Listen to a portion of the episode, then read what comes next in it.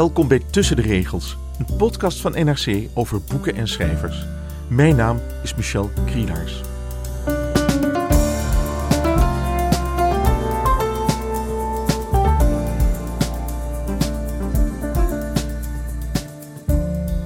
Be not afraid of greatness. Of We know what we are, but know not what we may be. Of A horse, a horse, a kingdom for my horse. Het zijn citaten uit het verzameld werk van William Shakespeare, de grote Engelse toneelschrijver. De komende zes weken hebben we het uitgebreid over zijn werk. En in deze tweede aflevering gaat het over de koningsdrama's, werken als Richard III en Henry V. Het zijn stukken die Shakespeare, die zelf geboren is in 1564, schreef over gewezen koningen van Engeland.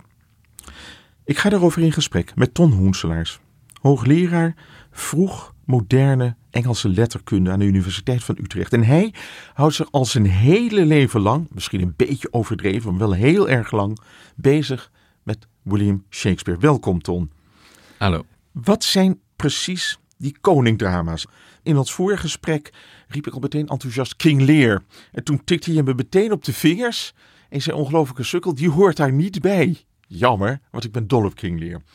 Ja, en uh, het ligt ook niet aan King Lear. Het ligt meer aan de manier waarop het werk van Shakespeare voor ons beschikbaar uh, is gekomen. Dan bedoel ik op uh, de uitgave van de Folio uit 1623, waarin de meeste toneelstukken zijn opgenomen, maar dan onder zijn verdeeld in de blijspelen, de tragedies en de koningsdrama's. Met andere woorden, in de ogen van zijn tijdgenoten, zijn collega's en de mensen die daar commercieel geïnteresseerd in waren, had het zin om deze drie genres te kiezen als een, een manier om de stukken te ordenen. Wat bindt die koningsdrama's? Zit er een rode lijn en gaat ze over een bepaalde periode uit de geschiedenis?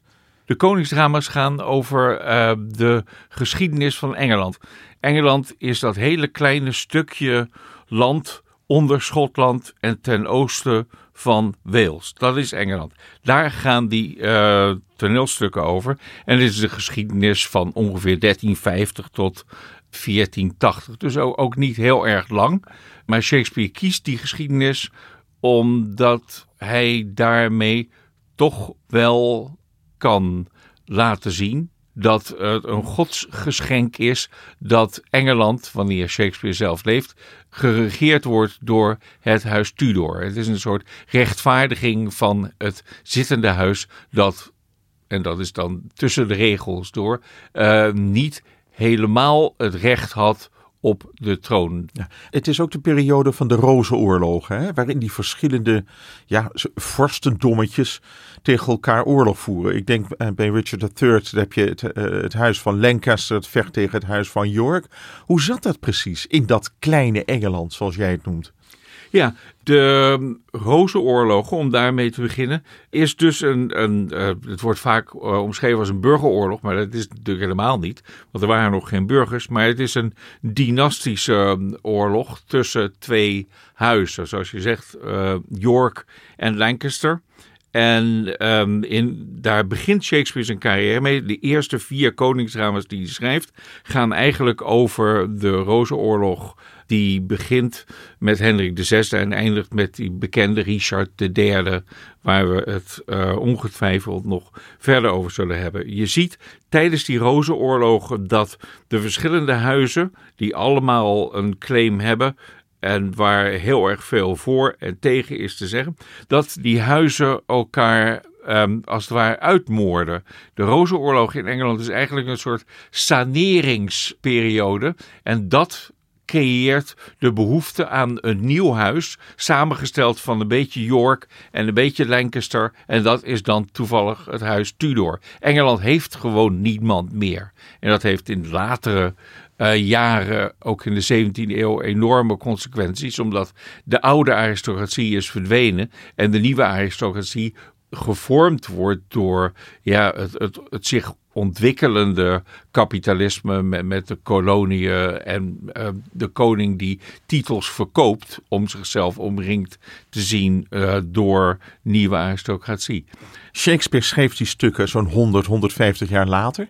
Hadden die, die stukken een functie in het toenmalige Engeland, in het Engeland van Shakespeare? Ja, functie is, is moeilijk. Ik denk niet dat Shakespeare betaald werd om dit aan het volk te laten zien. En volgens mij kan je dat ook wel uh, bewijzen dat uh, als dit een opdracht was geweest van overheidswegen, dan was het allemaal niet zo ambivalent of op verschillende manieren uh, interpreteerbaar geweest. Waarmee ik wil zeggen dat Shakespeare niet zegt van um, het huis Tudor is geweldig en al het andere niet. De stukken zijn moreel gezien zo in balans dat de toeschouwer daar zelf mee aan de slag moet. Shakespeare bekent dus geen kleur. Shakespeare bekent geen kleur. Hij, en, en dat is ook, ook wel een fantastisch fenomeen, omdat er in de, de Tudor staat, die zich niet helemaal zeker is van zijn positie ook tijdens de Reformatie zo'n censuur bestaat, leert Shakespeare, weet Shakespeare als geen ander toneelstukken te schrijven zo dat, dat niemand hem kan pakken op een politieke uitspraak voor de ene of voor de andere partij. Als je zegt van, van hoe verhouden zich die koningsdrama's dan met het publiek, denk ik dat, dat Shakespeare met het schrijven, met het spelen van die stukken, juist Engeland maakt dat Shakespeare later de national poet, de dichter des vaderlands wordt genoemd, dat is van het vaderland dat hij zelf met die koningsdrama's heeft geschreven. Het publiek dat hier naartoe kwam, kon denk ik de helft ervan niet lezen of heel uh, gebrekkig.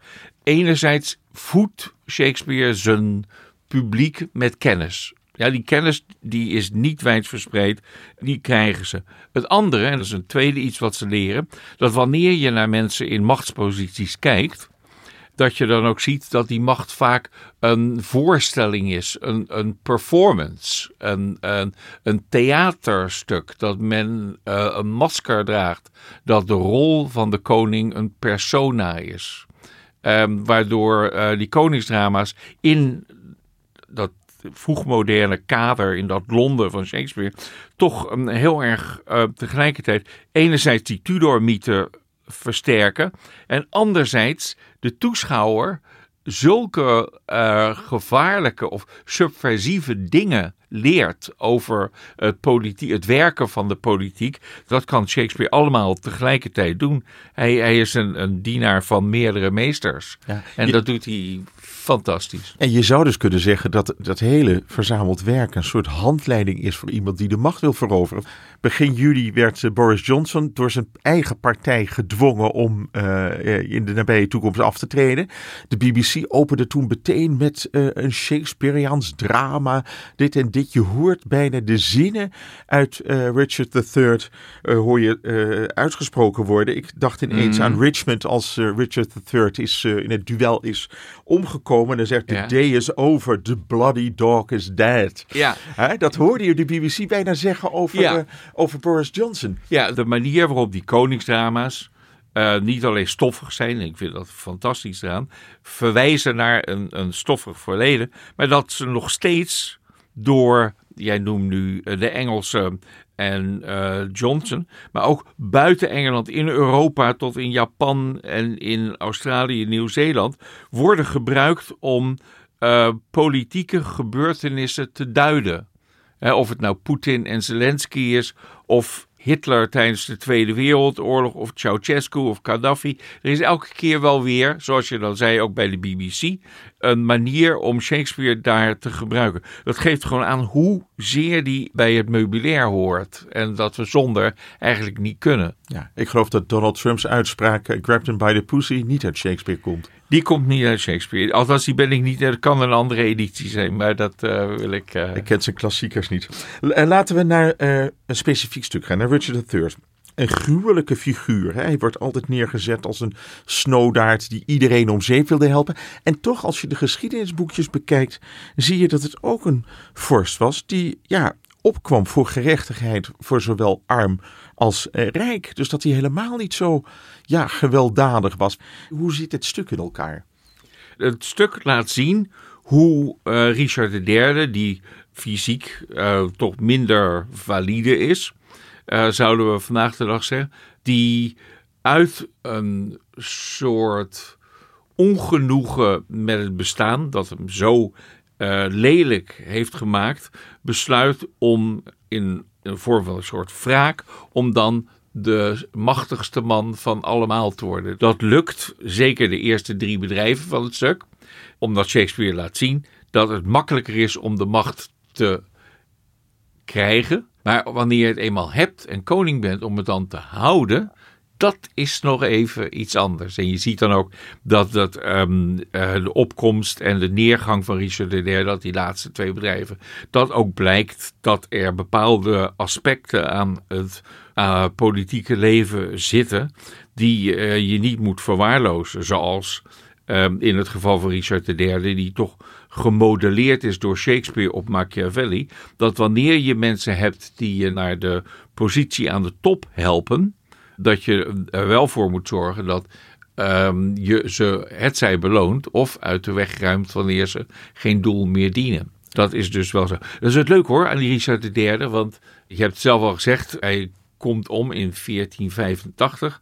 En voor Shakespeare, zoals Shakespeare hem beschrijft, is het de meest doortrapte Machiavelli. En dat is heel gek, want die bestond toen nog niet. En die was nog niet eens geboren toen Richard III kwam. En dan zie je dat, dat Shakespeare natuurlijk ook vanuit een renaissance, een klassieke, misschien zelfs een neoclassieke opleiding met zijn Plutarchus, met zijn Livius, terugkijkt naar die geschiedenis van Engeland en, en dan duidelijk een, een, een renaissance versie geeft van zaken die 100, 200 jaar daarvoor niet mogelijk was geweest. Ja, Machiavelli in Il Principe en de vorst die vertelt natuurlijk hoe je de macht kunt veroveren, hoe je je tegenstander streken moet leveren. Hoe, hoe zit dat met Richard III? Want eigenlijk is het precies hetzelfde bij hem.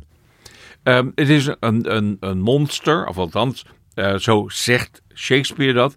Maar het is een monster, maar tegelijkertijd is het dus een personage dat de macht gaat winnen, dat zijn familie bespeelt en iedereen om hem heen, maar met het publiek speelt. Met andere woorden, Richard III vanaf het allereerste begin palmt het publiek in, spreekt tegen het publiek en weet dan het publiek op zijn hand. Uh, Richard is, de, is ook een komiek. Hij speelt, hij bespeelt, maar hij is ook geestig. En degene die hem vervangt aan het einde, dat is die eerste Tudor, dat is een hele uh, vriendelijke, vaak biddende koning, de vader van, van uh, Hendrik VIII, Hendrik VII. Dat is kraak nog smaak. En Shakespeare verheerlijkt dus ook een beetje de, de vindingrijkheid van zo'n Machiavellistisch figuur, die het uh, toch maar weer um, weet te ritselen dat maakt het stuk waarschijnlijk ook zo briljant. Hè? Die verleidingskunstenaar die, die is, die flirt met het publiek. Die in feite zegt, als je dit doel wilt bereiken, moet je gewoon die en die even om zeep helpen. En dan ben je er. En dat vertelt hij op zo'n leuke manier. En dat gaan we nu doen. Dat gaan we nu mij. doen. Ja. Daar- ja, maar dat is ook een, een, een manier van het bespelen van de media. En, en daar komt Richard III ook met Hitler en Ceausescu. En daar is ook heel veel over gedaan. Dat je heel goed weet hoe je massa's eh, bespeelt en beïnvloedt. En tegelijkertijd zijn wij dat natuurlijk zelf. Want wij denken dat we aan zijn kant staan. Maar dat betekent niet dat we uiteindelijk op de, aan de goede kant uitkomen. Dus, dus het is, ehm, je wordt wel door een, een eh, nogal snel draaiende machine gehaald. Ja. Laten we eens naar eh, Richard luisteren. We hebben de, eh, de, de openingstoespraak uit het stuk gespeeld door de Britse acteur Ian McKellen. En die heeft een speelfilm over Richard III gemaakt, geënt op eh, Mosley, hè, de leider van de Britse fascisten in de jaren 30, 40. Ja, ja, geweldig, geweldig. En de vraag is dan, dit had hier ook kunnen gebeuren. Hebben we niet jaren gewezen op die man in Berlijn? Maar wij kunnen dit net zo, wij hebben de, en dezelfde neigingen. We voeren een vergelijkbaar soort politiek. Ja, laten we naar luisteren. Now is the winter of our discontent made glorious summer by this son of York. and all the clouds that lowered upon our house in the deep bosom of the ocean buried. Now are our brows bound with victorious wreaths. our bruised arms hung up for monuments. Our stern alarms changed to merry meetings, our dreadful marches to delightful measures. Het is prachtig Engels. Er zit humor in, hè? Want this son of York. Het is niet deze zoon van York, Hmm. maar deze zon van York. En dan barst het publieke lach uit. En eh, jij zegt nu een of ander, maar wat ik mijn studenten ook altijd ehm, bij het lezen van die tekst en van veel Shakespeare probeer bij te brengen, is dat, dat het allebei waar is. Het is namelijk zon als metafoor voor de koning, hè, zoals in Zonderkoning en Lodewijk XIV, en anderzijds een woordspeling op. En die handigheid met taal, dat is ook gewoon heel duidelijk in de openingsmaten van die speech die u net gehoord. Dan weet je gewoon waar die toe in staat is. En, en hoe die één ding kan zeggen en iets anders bedoelen. Laten we naar Hendrik V gaan. Een koning die aanspraak maakt op Frankrijk. Hoe, gaat, hoe zit dat stuk in elkaar? Het is een stuk rond een veldslag van een Engelse koning die naar Frankrijk gaat, een claim doet op de Franse eh, kroon en die ook ingewilligd krijgt. En het gaat dus eigenlijk om, om niet om wat we weten van die koningsdrama's vaak van dan gaat het hier en daar en daar dat verhaal dat loopt maar door en door. en door. Nee, het gaat hier over één veldslag, heel mooi gestroomlijnd en eh, we verklaren de oorlog, we gaan, we strijden en dan komt de afwikkeling en zo. Maar eh, het is wel een, stuk waarin je het kunt zien als imperialistisch, expansionistisch, oorlogzuchtig. Of als juist een toneelstuk dat daar vragen bij stelt. Dit stuk is, is tijdens alle oorlogen gespeeld door eh, de Engelsen. Eh, is pas in 1999 voor het eerst opgevoerd in Frankrijk. Dat begrijp je natuurlijk wel, want ja, wie gaat een stuk opvoeren, zelfs van Shakespeare, waar in je eigen land eh, te kijk wordt gezet als, slappelingen en, en, en, en, en ninnies. Maar goed, dat stuk heeft ja, toch wereldwijd wel ehm, ook een publiek gevonden. Independence Day. Die grote film waarin Amerika dan wordt belaagd door Buitenaards. extra buitenaardse wezens. Moet je maar eens kijken, dan komt de grote speeches van Hendrik V. We few, we happy few, we band of brothers. Waar die serie Band of Brothers van komt. Dat, dat zit gewoon in die film. En dat zit net zozeer in ons systeem als die Richard III. Dat zijn, het zijn twee extreme, hele, hele erge extreme, maar wel. Ehm, als je ergens wilt beginnen, zou je met Richard III en met Henk V al een heel eind komen. Zou, zou je ook een koningsdrama kunnen gebruiken om de brexit te verklaren? Ik heb het wel zien gebeuren tijdens de Brexit dat ehm, gezegd werd: eh, zou Shakespeare voor of tegen de Brexit hebben gestemd en op welke gronden? En dan worden de toneelstukken als biografische feiten aangehaald voor wie Shakespeare zou zijn. Terwijl we nu juist al ehm, hier een half uur bezig zijn met, met het heugelijke feit dat Shakespeare het zo neerzet dat je niet weet of het een of ander is. En dat je nooit het een zonder het andere kunt eh, beoordelen. De verschillende eh, partijen in eh, de Brexit-verkiezingen hebben natuurlijk allemaal Shakespeare gebruikt om daar iets in te vinden dat hen ehm, goed leek voor hun agenda. Zelf eh, zie ik een toneelstuk als Henk V, en dat is vooral in mijn sombere momenten, maar als je Hendrik V van Shakespeare echt goed leest, dan zie je dat Shakespeare helemaal niet zo eh, fijn dacht over de wereld. En dat het eigenlijk toch wel heel erg beperkt eh, pro-Engels is. Het stuk verraadt een denkwijze waarbij het Engels superieur is en alle andere talen niet. En dat kan ik erin lezen en, en dat laat de tekst toe.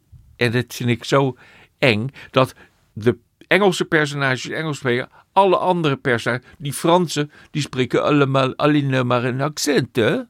Dus die zijn allemaal komisch. Je kunt dus in dat stuk nooit winnen. Zelfs als de Fransen militair gewonnen zouden, zouden ze die taalstrijd verloren hebben. En dat is verschrikkelijk. Eh, De frogs en de crowds, dat is het buitenland. Bijvoorbeeld. De Fransen en de Duitsers. Ja. Daar kijken ze op neer. Exact. Ja.